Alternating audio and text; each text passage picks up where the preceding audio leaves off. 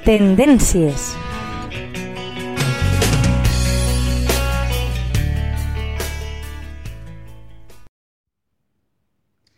Hola, amics de la teua ràdio.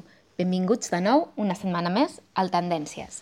Aquesta setmana us parlaré de maquillatge, que és un dels temes que més m'agraden.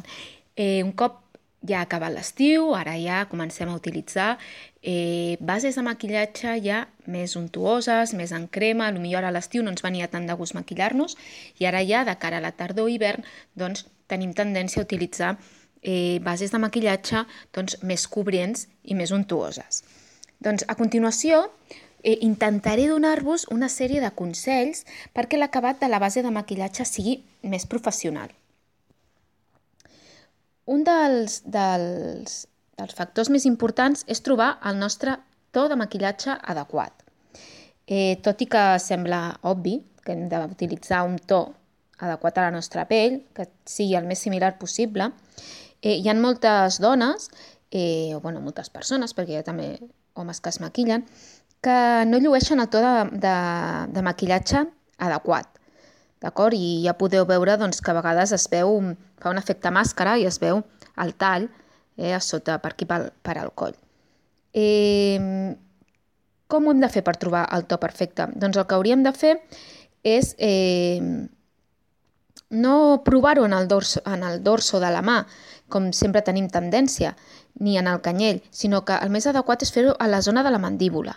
Així trobaríem eh, la tonalitat perfecta o quasi perfecta i així eh, veuríem si es fa aquest tall, eh, aquest eh, efecte màscara, en el nostre rostre, del rostre al coll. Doncs l'ideal seria provar el maquillatge a la zona de la mandíbula.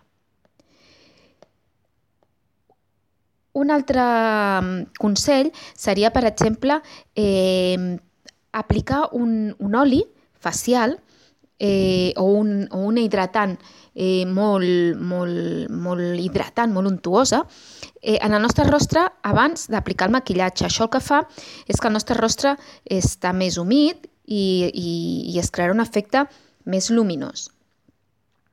A continuació també podríem aplicar una mica d'il·luminador, d'acord, per potenciar aquest glow del nostre rostre.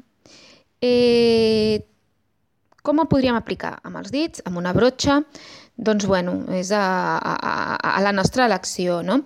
Si ho fem amb, amb els dits, ho hauríem d'aplicar amb, amb moviments circulars, d'acord? Perquè així muntaríem la circulació i escalfaríem la fórmula perquè es fixi adequadament a la pell i, i així sigui capaç de dissimular els poros que estan oberts i les línies d'expressió.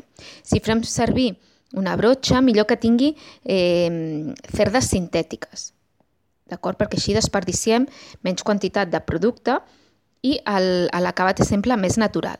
I per últim, un últim consell és sempre fixar molt bé la base de maquillatge. D'acord? Si tenim, per exemple, la pell mixta o grassa, és millor fixar-lo amb uns polvos. D'acord? Tant si són compactes com, com sueltos d'acord? Uns polvos. Però si la nostra pell és normal o seca, per evitar aquest efecte mm, cara de cartó, que podíem fer és eh, utilitzar una bruma facial. En el mercat actualment hi ha molts productes fixadors que són en spray i un cop ens hem maquillat doncs aplicaríem eh, la bruma facial, que el que fa és fixar el maquillatge i a part també ens aporta un extra d'hidratació al nostre cutis.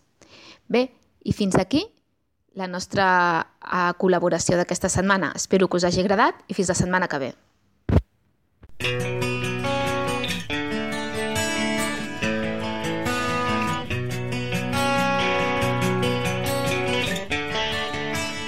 Tendències.